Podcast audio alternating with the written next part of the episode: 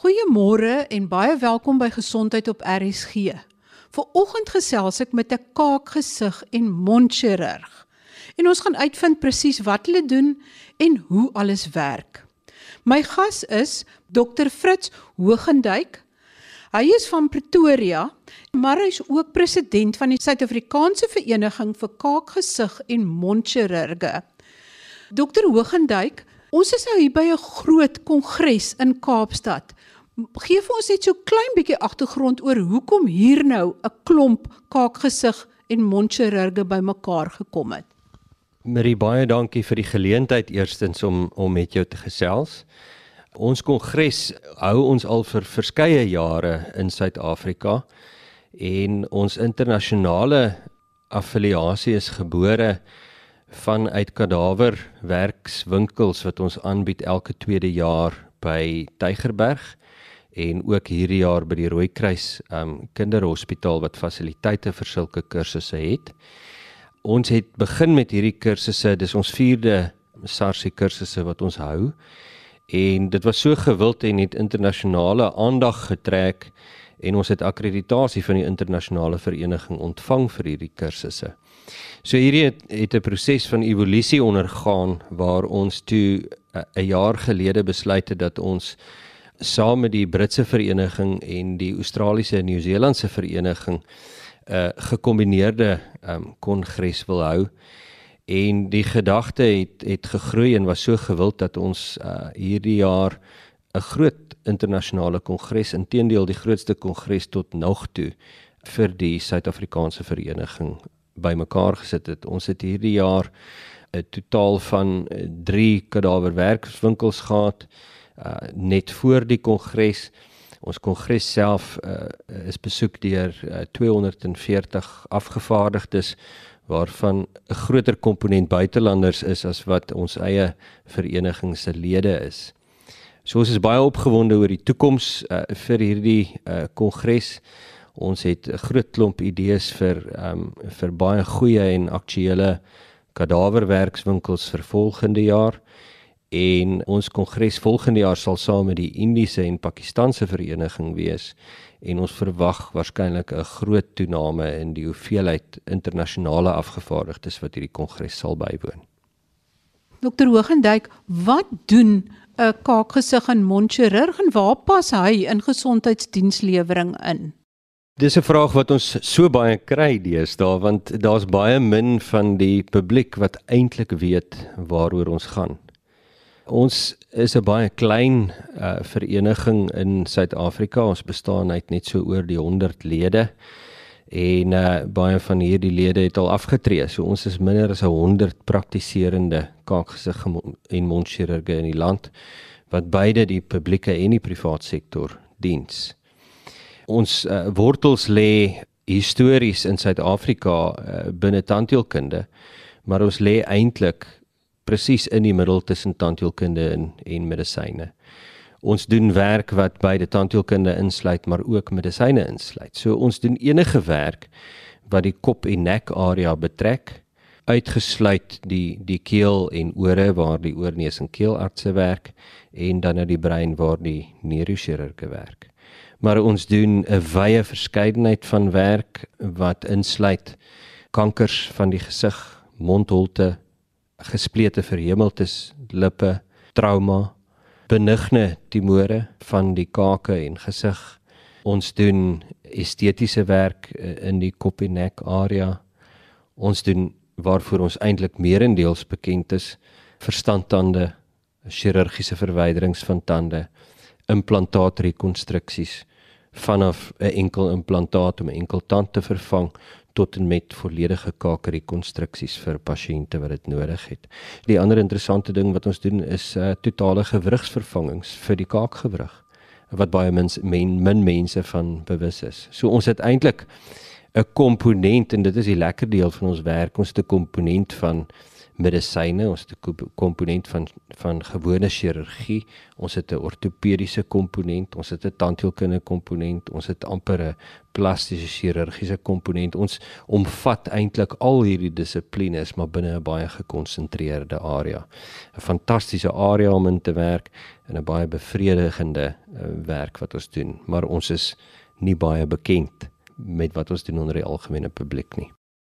Ek verstaan van oorneus en keel spesialiste dat kanker in die gesig en mondarea eintlik besig is om toe te neem en hulle waarsku al hoe meer teen rook ensovoorts. sien julle dit ook? O beslis. Ehm um, ek dink eh, 'n uh, deel daarvan is die uh, populasie wat ouer word. Uh, en soos wat ons ouer word, sien ons al hoe meer en meer kankers.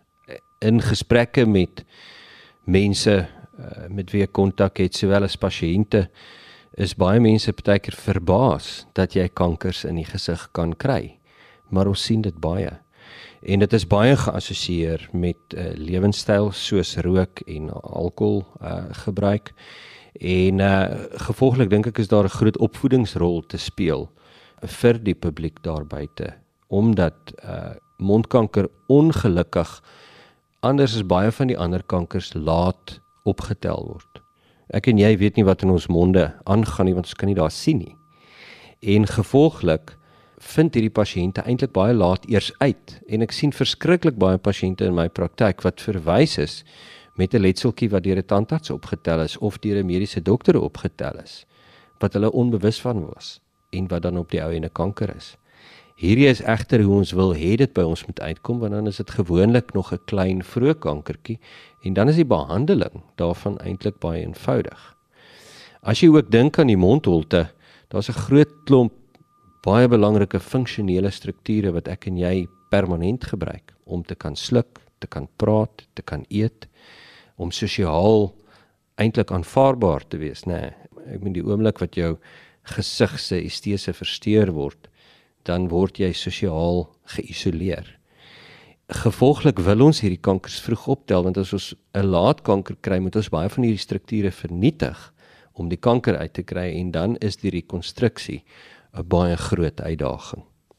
As jy 'n rekonstruksie van die kakebeen doen, is dit dan as gevolg van kanker of is dit as gevolg van trauma en wat plant julle daarin? Sekere kakebeen wat met 3D gedruk word.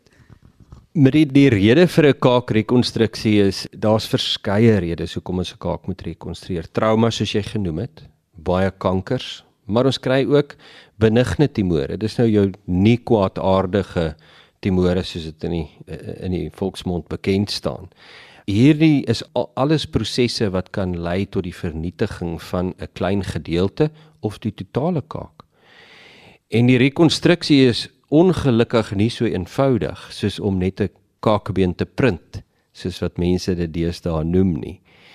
Daar is daar se sessies wat ons by hierdie kongresse kan hou oor die rekonstruksie van die kakebeen. Kan baie eenvoudig wees soos om 'n rekonstruksieplaat in te sit as daar 'n uh, defek in die kaak is wat die kontinuïteit van die kaak onderbreek of dit kan so kompleks wees soos om 'n deel van die onderbeen te gaan uithaal met been en vel en te kom oorplant om die kaak weer te bou. Daardie gedeelte weefsel wat ons uit die onderbeen uithaal, se bloedvoorsiening moet dan weer in die nek gekonnekteer word. En hier gebruik ons dan ook ander dissiplines en ander spesialiste om ons te help. So dis 'n multidissiplinêre rekonstruksie wat dan wat dan volg. Maar dit bied ons die geleentheid om dan binne in daai onderbeen wat ons oorplant weer implantate in te sit en tande op te sit. En ons het alselfs prosedures gedoen waar ons in die onderbene gaan implantate insit 6 maande voor ons die kaak kom rekonstrueer. En dan op die dag van die rekonstruksie klaar die pasiënt se tande in te sit. Ons maak baie gebruik van die tegnologie wat jy noem om driedimensionele beplanning te doen en ons het intedeel by hierdie kongres volledige sessies net oor driedimensionele tegnologie, beplanning en hoe om daardie beplanning dan te gaan uitvoer binne in die teater. So ons kan met absolute presisie idees daar beplan wat se been, hoeveel been, wat die vorm van die been is en waar ons ons implantate wil insit. Alles om vir die pasiënt die prosedure korter te maak, die morbiditeit van die prosedure minder te maak en die funksionele uitkoms vir die pasiënt op die ou ende uitstekend te maak. Is die estetiese uitkoms en die funksionele uitkomste goed en het dit verbeter oor die afgelope tyd? Ja, ek dink dit het dramaties verbeter. 'n Ou kan ongelukkig in 'n in 'n omgewing soos kanker nie altyd 'n uitkoms waarborg nie en party van hierdie pasiënte het nie 'n goeie funksionele uitkoms nie en en dit is waar die evaluasie van die pasiënt vooraf en die beplanning inkom om te beplan of hierdie 'n sinvolle prosedure vir die pasiënt gaan wees al dan nie. Maar waar ons dan 'n gunstige uitkoms het, is die funksionaliteit baie goed en die lewenskwaliteit baie goed vir hierdie pasiënte. Hulle kan lag, eet, praat, kou en sluk. Dit hang uiteraard af van die omvang van die kanker, want 'n ou kry baie groot tumore waar uh waar 'n ou dan eerder uh besluit om nie te opereer nie en alternatiewe maatreëls te tref om die pasiënt te behandel. Ja, wie sou 'n dekade of 3 gelede kon dink dat dokters se kakebeen kan skep? Of dit nou uit die onderbeen is en of dit nou 'n 3D gedrukte kakebeen is. Maar die kakebeen kan ook vorentoe of agtertoe geskuif word, selfs op 'n sjimpansee, soos ons in die tweede deel vandag gaan hoor. Maar Die opbou van 'n gebreekte wangbeen is ook die werk van 'n kaakgesig en mondchirurg. Een van ons wêreldbeker helde, Handrey Pollard, het hoeka sy wangbeen gebreek in die laaste minute van die uitstryd en die triomfparade misgeloop.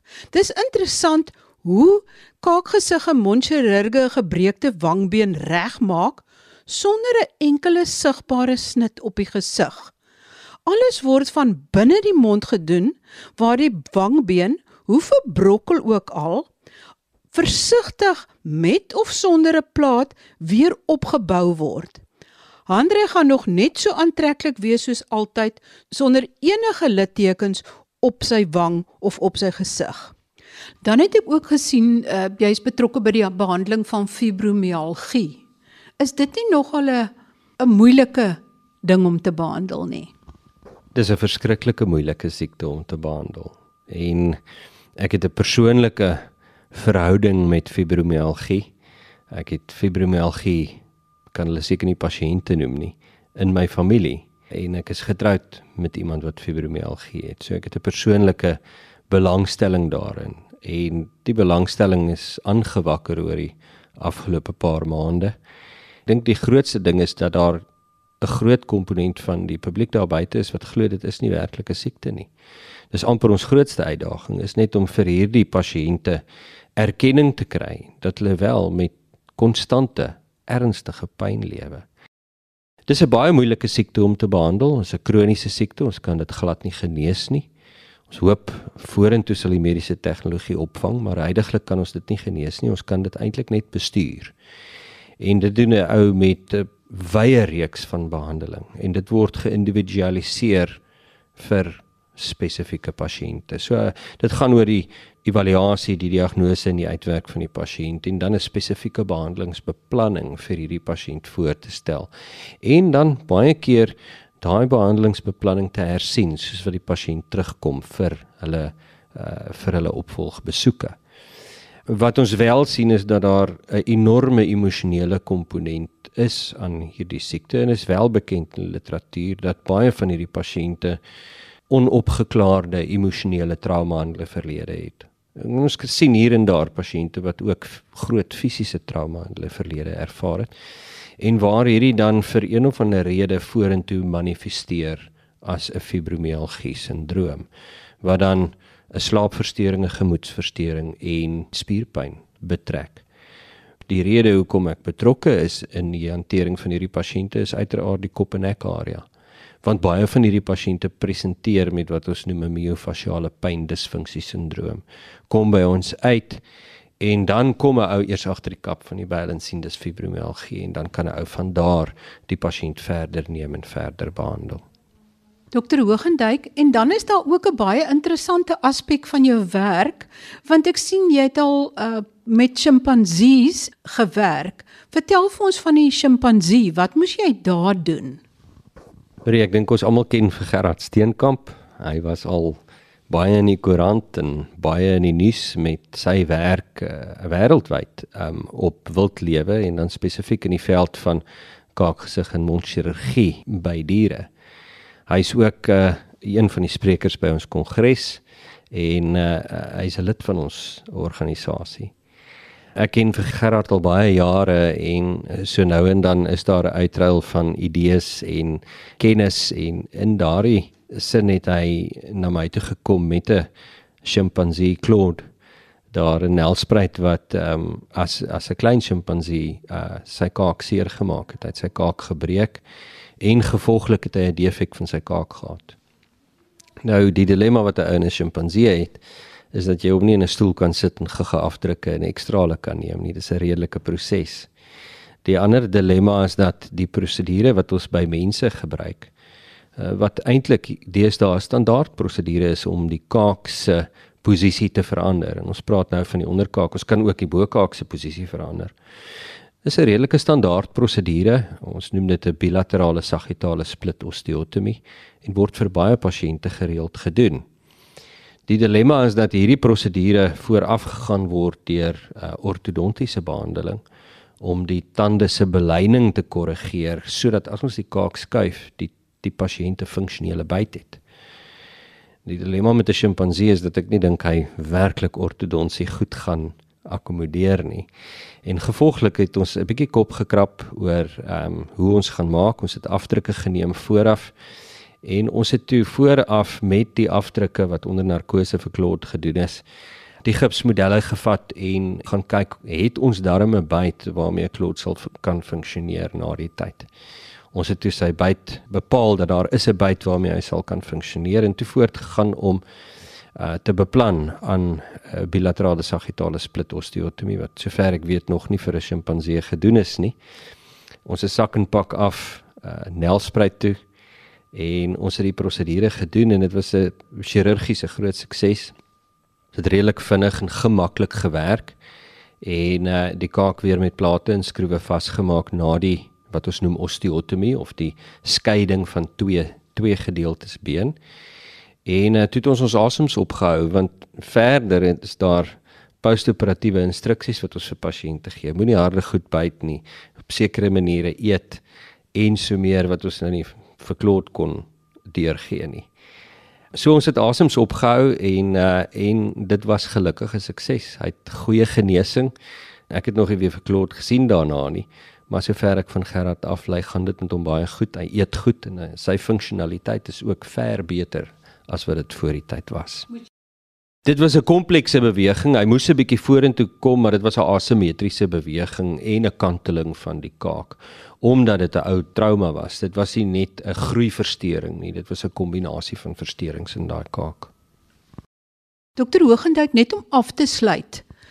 Is daar 'n soort van baie vordering gemaak die afgelope dekade of 2 in julle dissipline? En wat is die belangrikste boodskap wat jy wil hê die publiek moet weet oor kaakgesig en mondchirurgie? Daar's baie groot vordering gemaak in terme van benadering en tegnologie en so aan wat eh, in in ons veld.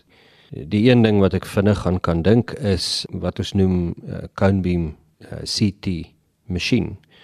Dis 'n CT skandeerder wat in ons kantore staan en ons kan daarmee 'n verskeidenheid van diagnostiese uh, beelding doen en dan driedimensionele beplanning doen daarmee vir die plasing van 'n enkel implantaat, die plasing van komplekse implantate. Ons kan trauma daarmee evalueer. So net daardie tegnologie het al klaar 'n groot verandering in ons praktyke te meegebring. Die ander tegnologie wat 'n groot uh, verandering in ons werk teweeggebring het is die driedimensionele uh, druk van kake, gesigsproteses. En so meer. Um dit het dit het ons werk baie meer presies gemaak, baie meer voorspelbaar gemaak en verder meer ek dink die uitkoms vir pasiënte baie verbeter. Dis tegnologie wat ons lewe baie makliker maak en baie meer presies maak. So wat ons groot gesigsrekonstruksies aanbetref is daar 'n klomp tegnologie wat ontwikkel is wat ehm um, rekonstruksies baie beter maak en die funksionele uitkoms verbeter. Die boodskap vir die publiek rondom KGM is dat daar 'n spesialiteit is wat 'n groot rol speel binne enige iets in die kop en nek area en veral dan die mondholte om funksie te herstel kankers te opereer, gesplete lip en verhemelte te herstel en enige iets wat in die kop en nek area gebeur en wat insette het en kennis het van beide die tandheelkunde veld sowel as die mediese veld. As jy dus chirurgie aan jou kake, jou wangbene, jou verhemelte moet ondergaan, is 'n kaakgesig en mondchirurg jou man. Of as implantate van tande in jou kakebeen gedoen moet word, of natuurlik as jou verstandtande uitgesny moet word, dit is seker die algemeenste ding wat kaakgesig en mondchirurge doen. Gaan kyk gerus op www.rsg.co.za dan kan jy sien hoe lyk Claude. Nou vir die beloofde insetsel oor inspuitings in die knie, wat werk, wat werk nie? Wat sê die wetenskap oor vinnig oor kortison, stamselle en vog wat afgetrek word, gesentrifugeer word en weer teruggespuit word. Ek het met dokter Callie Ackerman gesels om uit te vind wat is die jongste wetenskaplike bevindinge daaroor.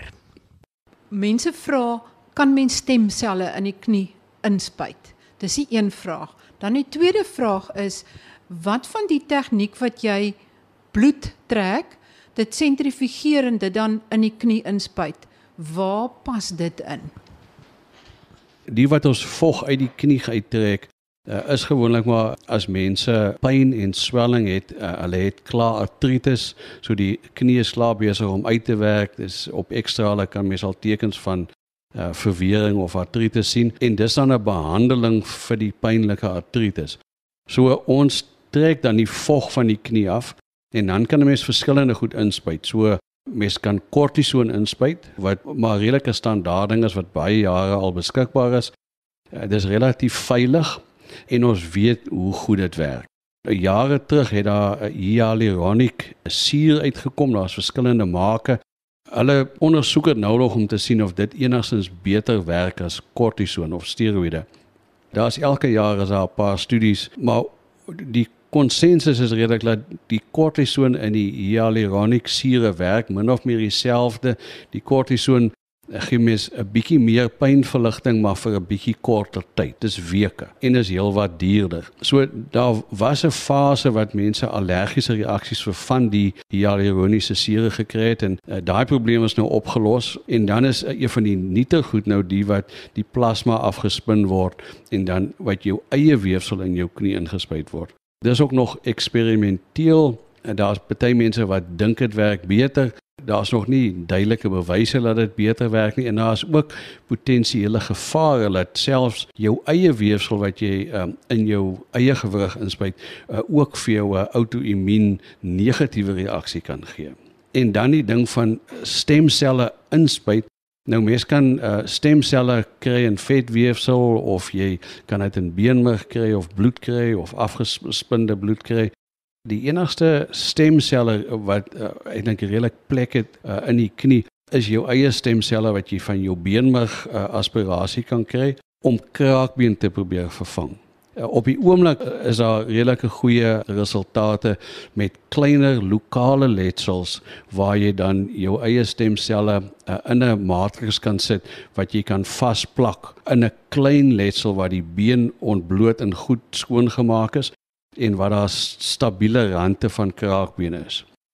Dit begin lyk asof dit 'n redelik goeie voorkomende behandeling sal wees vir artritis Daar is mense wat uh, vir groter letsels en mense wat lokale areas van artritis het so behandel wat sê dat daar goeie resultate is. Dit word in Italië gedoen en ons hou dit maar almal dop en kyk of dit uh, regtig voordele vir pasiënte met artritis sal inhou. Om stamselle uit my beenmerg uit te trek klink vir my of dit vreeslik seer gaan wees. So julle sal my dalk eers met 'n cricketkolf oor die kop moet slaan om my stamselle te kry uit my beenmerg uit. Wat die mense in, Italië nou doen is om dit dieselfde dag met dieselfde narkose te doen. So jy sal baie lekker slaap, jy sal nie voel as die beenmerg uh, uit jou pelvisbeen getrek word nie en dan sal die uh, chirurg dan daai stamselle in die matrix sit in die teater en dit dan in jou knie defek sit. Baie dankie aan dokter Callie Ackerman vir hierdie kort insetsel en moenie vergeet om volgende week in te skakel nie. Dan gesels ek met 'n hematoloog oor yster in die bloed en daar is baie interessante nuwe inligting wat nou na vore kom. Tot volgende week dan. Wanneer ons weer gesondheidsake gesels, groete van my, Marie Hudson.